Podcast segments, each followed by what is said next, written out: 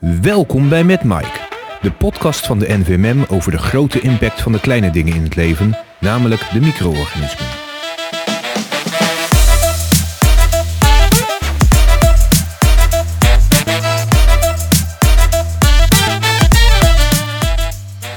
Ik ben Michel Hira. En mijn naam is Andreas Vos. Andreas, het is bijna carnaval. Ja, het is die vrolijke tijd waar mensen weer diep in de glazen kijken en ook andere dingen doen die je tussen mensen kan doen. Ja, je weet wat dat betekent hè? Meer SOA's, althans dat wordt gezegd. Ja, dat, dat zeggen ze, maar dat geluk is, wij moeten niet speculeren, maar we hebben de experts SOAR hier bij ons in de, nou ja, de virtuele studio zou ik maar zeggen. Nou, en nummer 1 is de, de, de meester van de carnavalszoor, uh, die ons voorheen al met een vriendelijk alaf begroeid heeft. Dat is uh, Anne Dirks. Anne, hallo.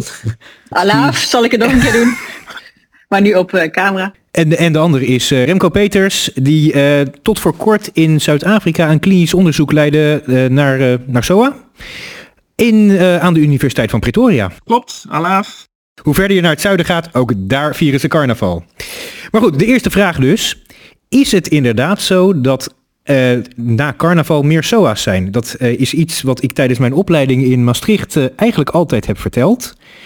Maar de vraag is, is dat zo? Anne heeft dat, Anne ook uit Maastricht overigens, in opleiding. Nu microbioloog in het Zuiderland ziekenhuis, heeft dat uitgezocht. Anne. Ja, dit, dit, was tijdens mijn promotieonderzoek naar chlamydia trachomatis, dus is een aantal jaar geleden. Maar toen zijn we inderdaad gaan uitzoeken of dat carnaval echt een risicofactor is voor het oplopen van SOA.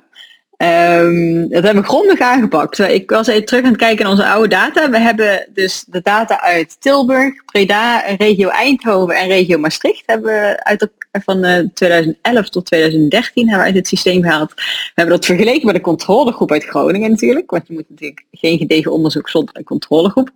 En toen hebben we gekeken in bijna 200.000 samples waren dat, of dat er dus echt meer chlamydia en gonoreu is na carnaval. En? Ja, Even de verdediging van Groningen. Hier doen ze het ook. Ja, daar hebben we ook rekening mee gehouden dat er inderdaad uh, dorpjes zijn in de buurt van Groningen die ook carnaval vierden. Dus we hebben op basis van de postcode van de, de aanvraag hebben we groepen ingedeeld in wel of geen carnaval vierend. Um, dus inderdaad, wat in Groningen vieren is ook carnaval. Ja, ik bedoel het niet de carnaval, maar oké. Okay. dat ook natuurlijk. Nee, dus we hebben gekeken of dat er dus in de weken na carnaval meer SOA's worden getest uh, in het zuiden ten opzichte van het noorden van het land. En de korte samenvatting was, dat is niet zo. Er is evenveel chlamydia na carnaval als voor carnaval. En er is evenveel gonoreu na carnaval als voor carnaval. Wel een beetje een deceptie. Ja, weet ik. Ja. Maar betekent ja, dat nu dat mensen zich gewoon gedragen tijdens carnaval? In tegenstelling tot wat Andreas net riep? Ik denk het eigenlijk niet. Heb je hier ooit rondgelopen met carnaval? ja, ik heb hier wel rond, daar wel rondgelopen met carnaval. Ja. Het, is, het is meer zo dat ze zich de rest van het jaar ook niet gedragen.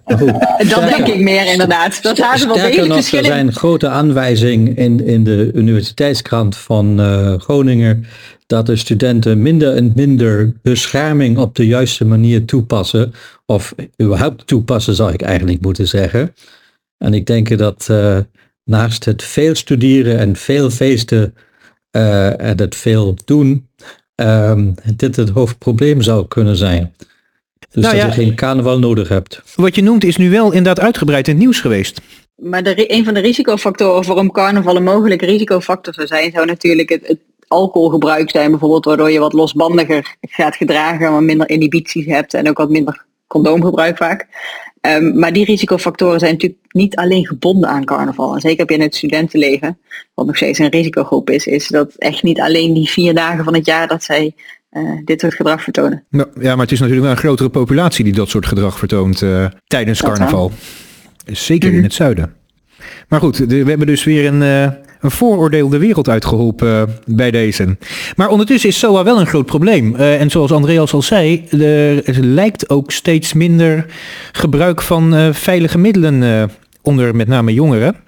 Uh, hoe zie jij dat, Anne? Zie je, denk, denk jij dat het probleem groter wordt daardoor? Je ziet het gewoon, hè? je ziet het wereldwijd dat het aantal SOA's toeneemt eigenlijk. Dat zal heel veel verschillende redenen hebben. Eentje is natuurlijk dat de dreiging van de SOA's wat minder is. Dat was natuurlijk ontzettende, toen met de HIV-epidemie, dat er veel meer veilige seks werd toegepast. Je zag natuurlijk dat er vroeger werd er veel meer op veilige seks gehamerd, ook vanwege het risico op HIV en HIV-transmissie. Maar tegenwoordig met de PEP en de PrEP is ook het risico op HIV en de consequenties van HIV zijn in heel veel gebieden zijn niet meer zo dermate hoog dat mensen zich daardoor laten afschrikken. Wat natuurlijk ook niet meehelpt.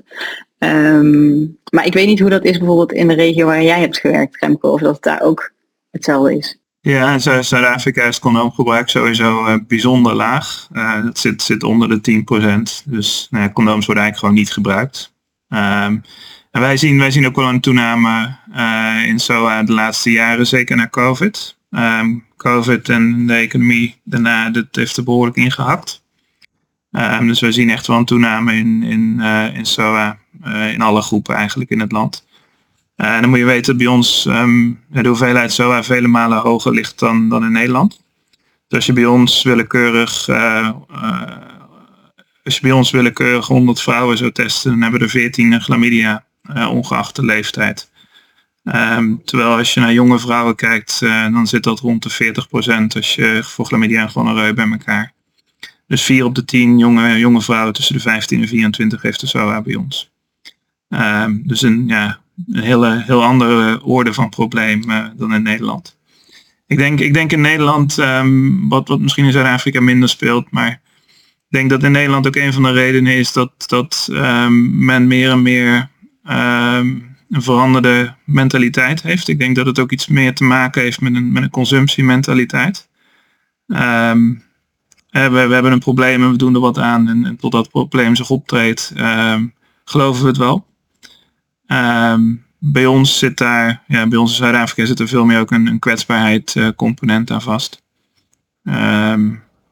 Waarbij met name jonge vrouwen toch, toch bijzonder afhankelijk zijn van, van hun partners. Ja, je noemt nu net de verschillen met, met Zuid-Afrika, dat weet iedereen. Want dat van mijn baas, ik had toch even snel gekeken. Ook in de VS is de, dus toch de, de rate van, uh, van sexual transmitted diseases zoveel hoger als in Europa en de Europese landen. Heb je daar toevallig ook een verklaring voor? Wel, ik, ik zag iets met syphilis, is, is de, dan in, in, in Europa zo'n beetje rond de 1 per 100.000. In, uh, in, in, in de VS is het 6 per 100.000. Het heeft natuurlijk ook een beetje met, met educatie te maken. Hè? Ze hebben daar het geen seks voor het huwelijk, waarbij ze ook geen seksuele gezondheid op scholen bespreken of uitleg geven over seksuele gezondheid. En ik denk dat iedereen wel weet hoe goed die tactiek is, geen seks voor het huwelijk in het voorkomen van zwangerschappen en wat er aan vooraf gaat, zeg maar. Dus, uh... Ja, ik, ik, wil jou, ik wil niks zeggen, maar ik heb uh, een beetje in de VS in de gynaecologie gewerkt. Ik heb uh, kinderen van 13 en 14 ontbonden, die waren definitief niet getrouwd. En als ik de getallen een beetje zie, dan is, heeft 75% van de Amerikaanse tieners seks gehad met één of meerdere paters, dus partners. Dus uh, ja, de ideologie en de idee hoe het zou moeten zijn en hoe het feitelijk is, ligt er nog een beetje uit elkaar. Maar educatie kan wel een belangrijk punt zijn. Remco, denk je ook dat dat in, in maar, West-Europa beter gaat als in Zuid-Afrika? Of is het puur een cultuurprobleem? Ik denk niet dat het, dat het noodzakelijk educatie is uh, in Zuid-Afrika. Ik denk dat het meer zit in, in aan de ene kant uh, kwetsbaarheid van, van bepaalde groepen. Uh, maar ook in een zekere zin een cultuurprobleem waarbij, of niet een probleem, een cultuurverschil. Uh, waarbij men veel meer uh, meerdere partners heeft tegelijkertijd. Dat sociaal ook gewoon geaccepteerd is. En ik denk dat dat ook een rol speelt in, in een hogere incidentie en prevalentie. Transactional seks is bijzonder geaccepteerd. Het, het wordt gezien als wat anders dan sekswerk. dus dat is seks voor beltegoed of seks voor eten of seks voor ja, verzin het maar. Um, en dat, is, ja, dat, wordt, dat wordt geaccepteerd. En als je, als je bij ons bijvoorbeeld jonge vrouwen vraagt, dan een kwart die, ja, die doet dat. Uh, en deels is dat voor te overleven en deels is dat voor andere redenen. Um, maar dat betekent ook dat als, ja, als condoomgebruik zo laag is, dat ja, zo zich bijzonder makkelijk verspreiden. Zie je het uh, dan inderdaad ook erger worden in, althans verwacht je dat het ook erger gaat worden in Nederland? Want inderdaad, hè, het nieuws is wel echt duidelijk. Minder condoomgebruik onder jongeren. Um, sterker nog, jongeren maken zich er ook niet zo druk om, om de chlamydia. Um, en ik heb trouwens ook begrepen dat de richtlijn, uh, de Nederlandse richtlijn aangepast gaat worden naar niet meer preventief testen op uh, chlamydia als je, zeg maar, als je geen klachten hebt. Hoe zie je dat? Anne zit te schudden, dus misschien moet Anne eerst antwoorden. Ja, je kan er twee kanten op redeneren. Hè? Ik geloof niet dat de richtlijn al aangepast wordt in dat er niet meer getest moet worden als je geen klacht hebt. Er is wel inderdaad een soort stroming gaande waarbij we jarenlang iedereen hebben getest. Iedereen, alle jongeren konden gratis getest worden met klachten, zonder klachten, uh, zonder risico eigenlijk. En dat heeft eigenlijk niet de daling in in ieder geval chlamydia en volgens mij ook van de reul laten zien die we beoogd hadden.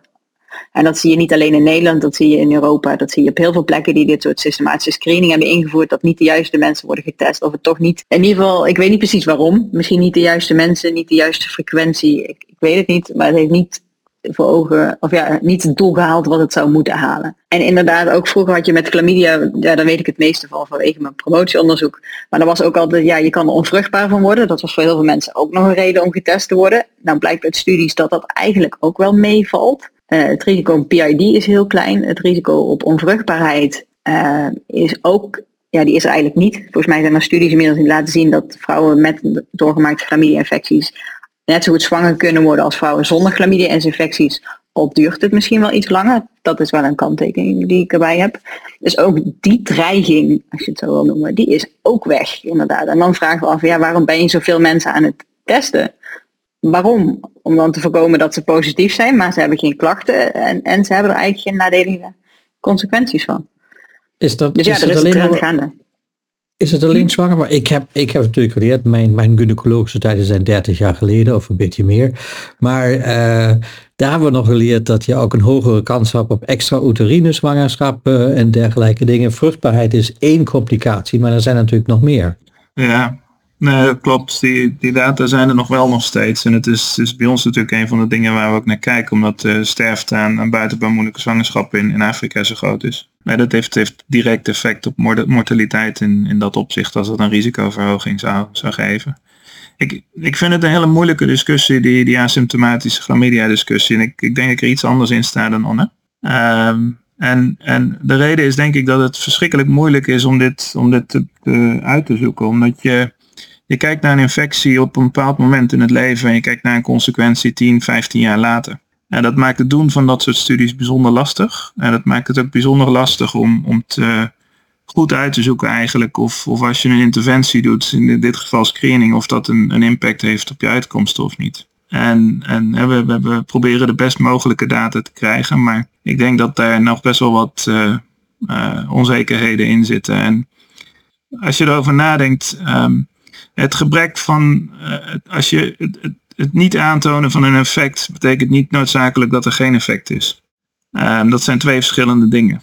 Dus het, het, aantonen dat het misschien niet tot, tot verbeterde uitkomsten leidt, wil niet zeggen dat het zinloos is. Uh, dat, dat, doe je, dat, ja, dat toon je aan op een. Nee, dat weet ik. Dat toon je aan op een andere studie, op een andere manier.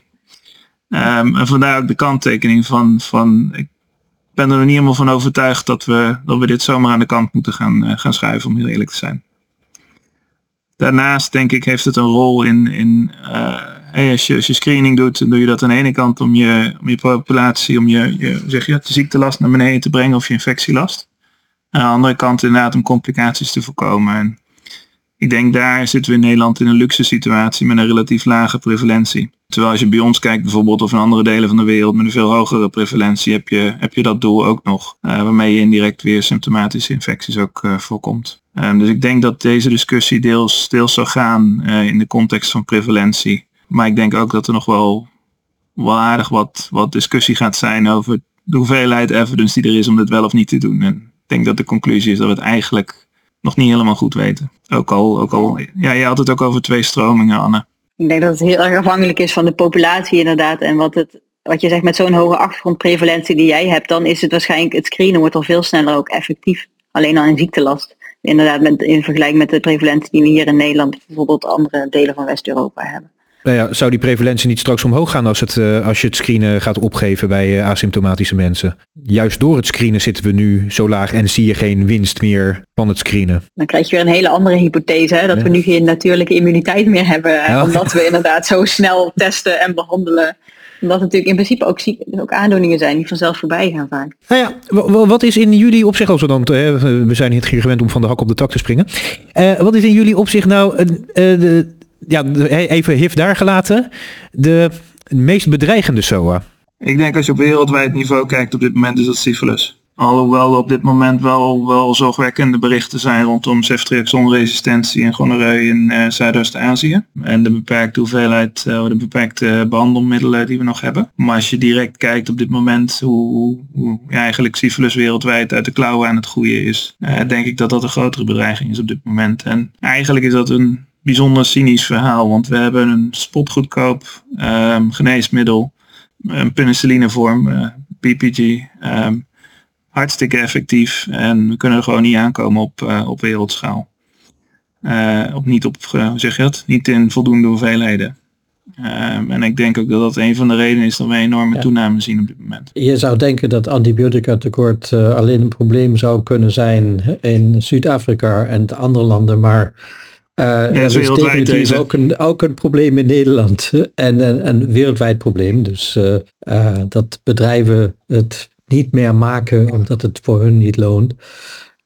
Wat, ja. wat eigenlijk zover zou moeten gaan, of tenminste dat is mijn mening, maar ik hoor graag jullie, dat we vanuit de overheid bepaalde antibiotica meer of minder moeten supporten. En ik denk dat het in Amerika soms al gedaan wordt, om überhaupt nog gefabriceerd te worden. Ja, dat is precies wat er met benzatine uh, penicilline aan de hand is. Het is te goedkoop, het is niet meer winstgevend. En, en daardoor zijn het aantal productiefaciliteiten uh, in de wereld bijzonder hard afgenomen. En, en, hebben we nu dus een tekort, gewoon onvoldoende capaciteit. En men probeert partijen geïnteresseerd te krijgen om die capaciteit weer op te starten. Maar dat, dat blijkt bijzonder moeizaam zonder, inderdaad, zonder, zonder subsidie van een grote donor.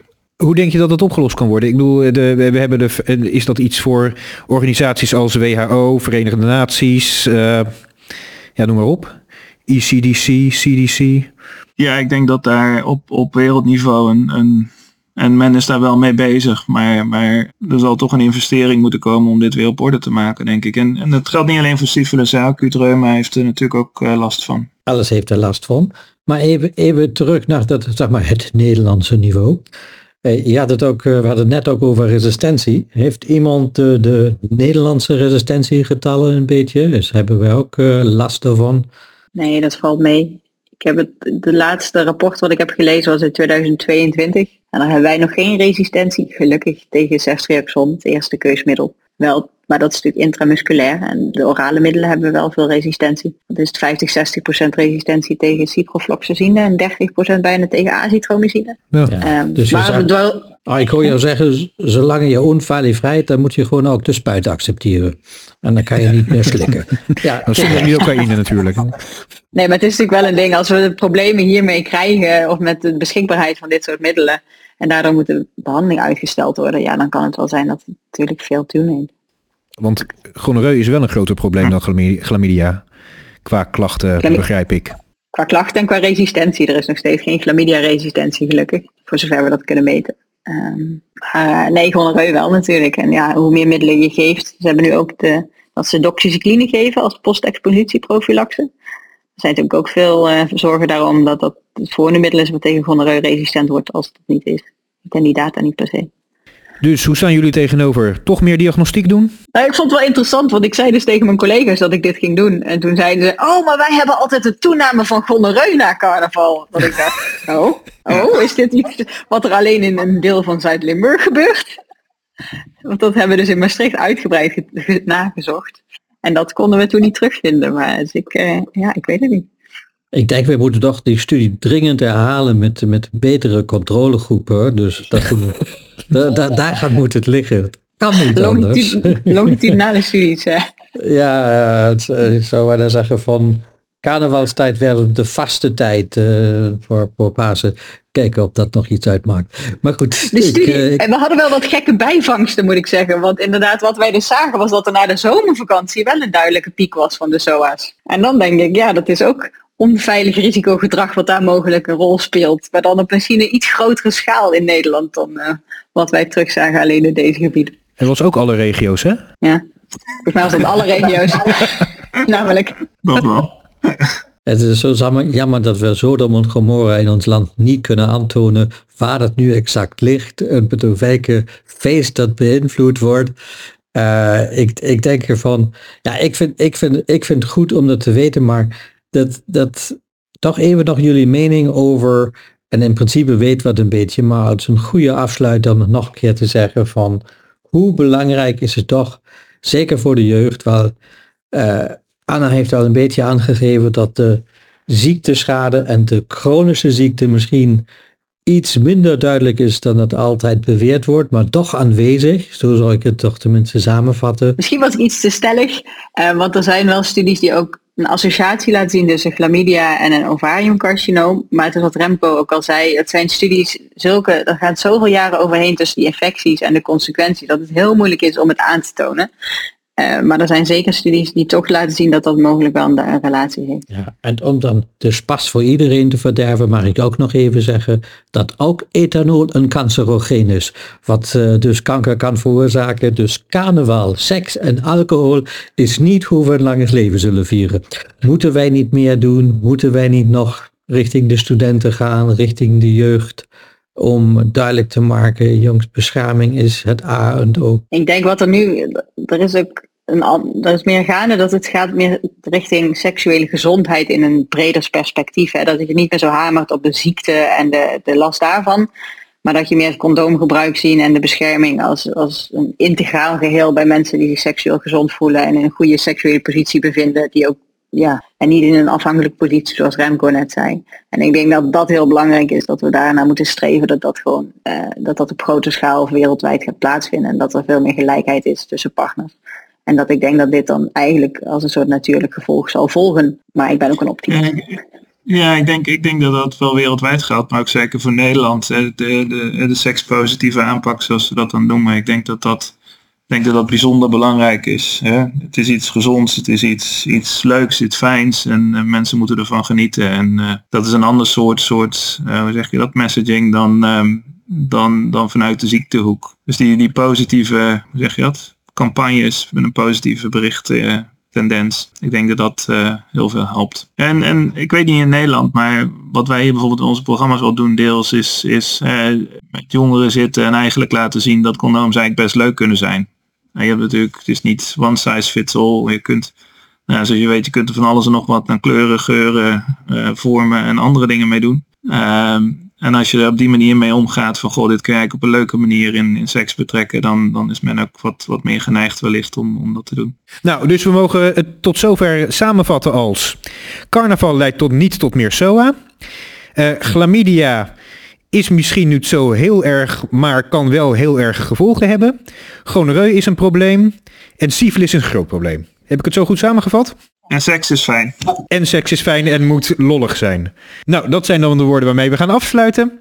Um, Remco en Anne, hartstikke bedankt voor jullie uh, inbreng en kennis hierin. Alle luisteraars bedankt voor het luisteren. En tot de volgende keer, tot de volgende met Mike.